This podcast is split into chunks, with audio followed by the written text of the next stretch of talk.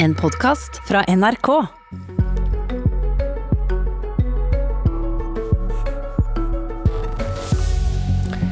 Spenninga er stor foran avstemninga i FN. Kjem Norge inn i Tryggingsrådet? Men eh, enda viktigere er vel dette spørsmålet. Hva skal vi egentlig bruke den posisjonen til, dersom vi kommer inn?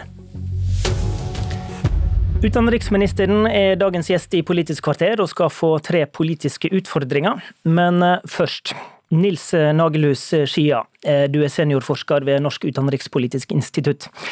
Minn oss på eh, hva det 15 land store tryggingsrådet i FN egentlig gjør. Ja, de, Hovedansvaret til Sikkerhetsrådet er å ivareta internasjonal fred og sikkerhet. Så de møtes og vedtar resolusjoner eh, og beslutninger rundt det som har med verdenssituasjonen og internasjonal fred og sikkerhet å gjøre. Fortløpende. Det er altså 15 medlemmer. Det er fem vetomakter, USA, Russland, Kina, Frankrike og Storbritannia, som sitter der fast. Ti andre plasser går da på omgang. Hvor viktig vil du si at dette rådet i FN er i internasjonal politikk i dag? Altså, Sikkerhetsrådet kan eh, på mange måter beskrives som catwalken for internasjonal politikk. Det er eh, rundt det bordet det skjer, og det er, uh, har verdens øyne. Det er stor prestisje å være med, og, og, det følger med på, på det som skjer. Mm. Og litt videre på det, Hvorfor er det interessant for et lite land som Norge å være medlem her? Så For eh, Norge så er det først og fremst å følge opp eh, norske interesser i internasjonal politikk, men også å støtte opp om eh, verdier som er sånn grunnpilarer for norsk utenrikspolitikk, som, som først og fremst kanskje den multilaterale verdensorden. Med andre ord, multilateral verdensorden det betyr jo altså, flerstatlig internasjonalt samarbeid som skjer gjennom de internasjonale organisasjonene. Da. Hvorfor er det viktig for Norge? Norge er et lite land i verden. Vi er helt avhengig av at vi har en uh, regelstyrt uh, internasjonal politikk, og at, kan, uh, at, det er forutsigbart, og at det er avtaler som gjelder. Og akkurat nå, de siste årene, så har liksom den multilaterale verdensordenen vært litt under press. Trump har trukket seg ut av Verdens helseorganisasjon. Det er, det er mange sånne ting som liksom opplever å, å bli litt satt på prøve. da. Og, og, for Norge, som har vært en støttespiller for FN og Sikkerhetsrådet siden 1945, eh, med, med, penger og ressurser og med mennesker Hvis Norge da skulle på en måte si at eh, vi eh, det er ikke så viktig for oss å bli med i Sikkerhetsrådet, det kan noen andre kan ta den oppgaven, så vil det ha en signaleffekt, tenker jeg. Og det, det er viktig for verden og for Norge og for Sikkerhetsrådet at Norge går for dette 100 Samtidig kommer vi oss inn der, så blander vi oss jo med stormaktene USA, Russland og Kino. Kina. Hva dilemma gir det? Altså det, det, vil si at vi sitter og spiser kirsebær med de store. Det, det er de store, vanskelige spørsmålene som skal diskuteres.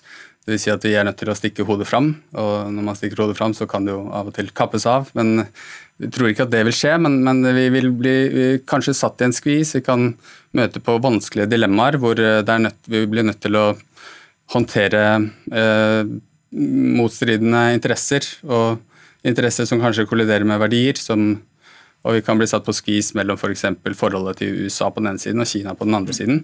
Så veldig mange sånne ting som, som eh, vil kreve veldig dyktig og godt diplomatisk arbeid rundt bordet og i kulissene og korridorene. Kort til slutt, vi konkurrerer mot Irland og Canada. Hvordan står vi i den konkurransen, tror du? Det er en veldig tøff konkurranse. Det er tre veldig like land. Vi er jo i den samme, samme valggruppen av vesteuropeiske land, så det, det, blir nok avgjort på målstreken på onsdag. tenker jeg. Det blir veldig spennende å følge. Det er altså i eh, morgen eh, at avstemninga begynner, får vi si. Takk til deg, eh, Nils Nagelhus Skia. Vi venner oss til deg, utenriksminister Ine Eriksen Søreide. God morgen. God morgen. Hva vil vi med denne plassen i Tryggingsrådet? Naglus Shia sa det egentlig veldig godt. For Norge som et lite land så er vi avhengig av å støtte opp om en regelbasert verdensorden. Noe av det som kjennetegner vårt engasjement i FN siden 1945, er behovet for å gjøre nettopp det og få til mer internasjonalt samarbeid. Hele vårt utenrikspolitiske handlingsrom har jo alltid vært definert av evnen vår til å inngå allianser og, og finne gode løsninger. Og et veldig godt eksempel for Norges del er havretten, som alltid har vært en bærebjelke i norsk eh, utenrikspolitikk. Men det har også vært en helt avgjørende forutsetning for at vi kan gjøre nytte av de ressursene vi finner i havområdene rundt oss. Du skal få noen politiske utfordringer. Først skal du høre SV-leder Audun Lysbakken. Det har vært altfor lite debatt om hva vi faktisk skal bruke plassen i Sikkerhetsrådet til. Og Hvis vi skal gjøre en forskjell, så må jo Norge gå inn der for å være en uavhengig stemme. Det innebærer også å tørre å stå opp mot stormaktene, ikke minst mot USA, som ofte har vært vanskelig for denne regjeringen, som har listet seg stilt på tå rundt eh, Trump. Eh, F.eks. når det gjelder saken om et eh, forbud mot atomvåpen i FN. Men det er altså det som må til for at vi skal kunne gjøre en forskjell selv i eh, den rollen og være en uavhengig stemme. Vil Norge være ei uavhengig røyst som står opp mot stormaktene? Norge har alltid bærer preg av å være en uavhengig stemme, men vi gjør jo det først og fremst for å ivareta norske interesser, ikke for at vi skal stå opp mot et bestemt land. Og når det gjelder den saken som Audun Lysbakken nevner, nemlig kjernevåpen og forbudstraktaten, så er det jo nettopp fordi det er i norske interesser å ikke slutte seg til at vi har gjort det. Det har bred tilslutning i Stortinget. Og vi jobber da med andre spørsmål, som verifikasjon av nedrustning, som har hatt stor framgang og stort gjennomslag i FN. Der har vi tatt en lederrolle. Så det har aldri handla om å pleie forholdet til vår nærmeste allierte? Dette er jo noe som alle Nato-land eh, har slutta seg til, og det er også en veldig brei tilslutning i Stortinget til det standpunktet. Men er det et dilemma i dette, at vi må ta stilling til vanskelige saker som kan tråkke stormaktene på tærne, mens vi sier vi skal kjempe f.eks. for, for menneskeretter? Selvfølgelig er det dilemmaer, og det er ingen enkel eh, sak å sitte i Sikkerhetsrådet. Det er en veldig krevende situasjon, og det har blitt mer krevende med åra. Det ser veldig annerledes ut nå sammenligna med da vi sist satt i rådet for 20 år siden. Men jeg mener det er viktig at små land som Norge også er med på å ta det internasjonale ansvaret det er, og være med på å definere utviklinga for internasjonal fred og sikkerhet. Og et eh, godt eksempel, syns jeg, er måten vi hver dag må håndtere interesseavveininga både mellom USA og Kina, men også hvordan vi skal plassere norske interesser i det bildet.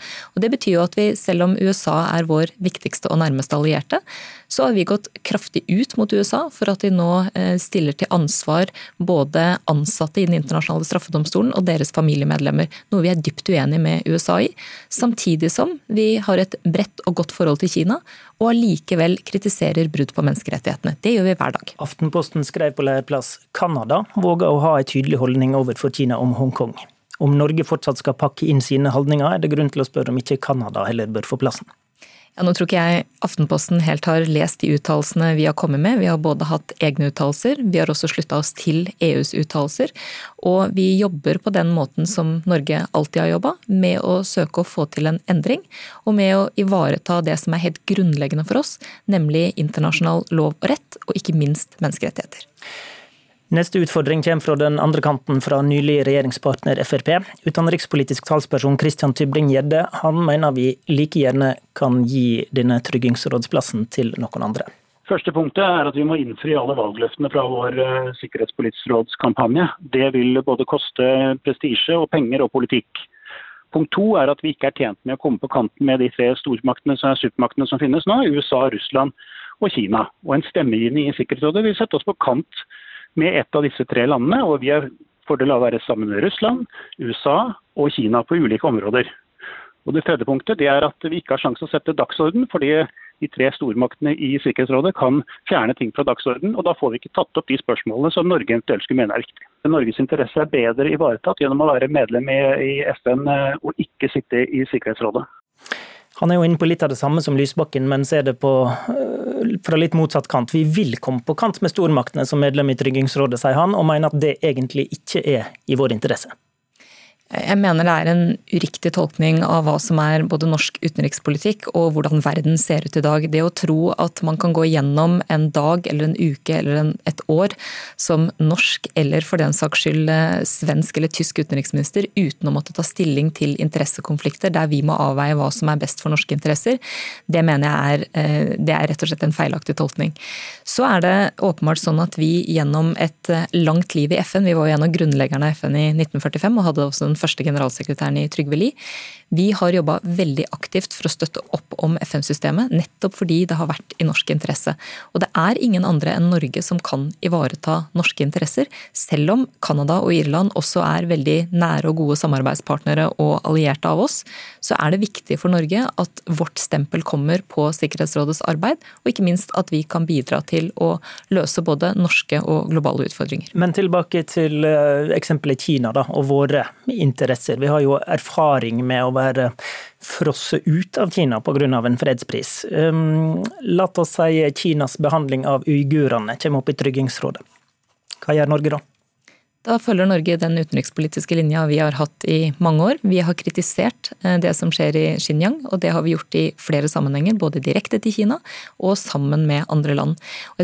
kan vi ha interesse av å gå litt stille i dørene, kanskje? I sånn jeg tror det er viktig å huske på at Vi har ikke endra norsk utenrikspolitikk pga. kampanjen i Sikkerhetsrådet. Men kampanjen i Sikkerhetsrådet er det som har vært norsk utenrikspolitikk over flere tiår. Og det er også det som gjør at veldig mange medlemsland i FN mener at Norge er en god kandidat til å sitte i Sikkerhetsrådet. Rett og slett fordi vi har vært konsistente over tid. Både vår støtte til FN, vår støtte til menneskerettigheter, der vi ofte inntar et annet standpunkt enn stormaktene. Kanskje særlig når det gjelder det at vi mener at alle FNs fredsbevarende operasjoner skal ha et menneskerettighetsmandat. Og det at vi går foran på en lang rekke områder hvor vi har spesiell kompetanse og nettverk og erfaring, som f.eks. når det gjelder fred- og forsoningsarbeid.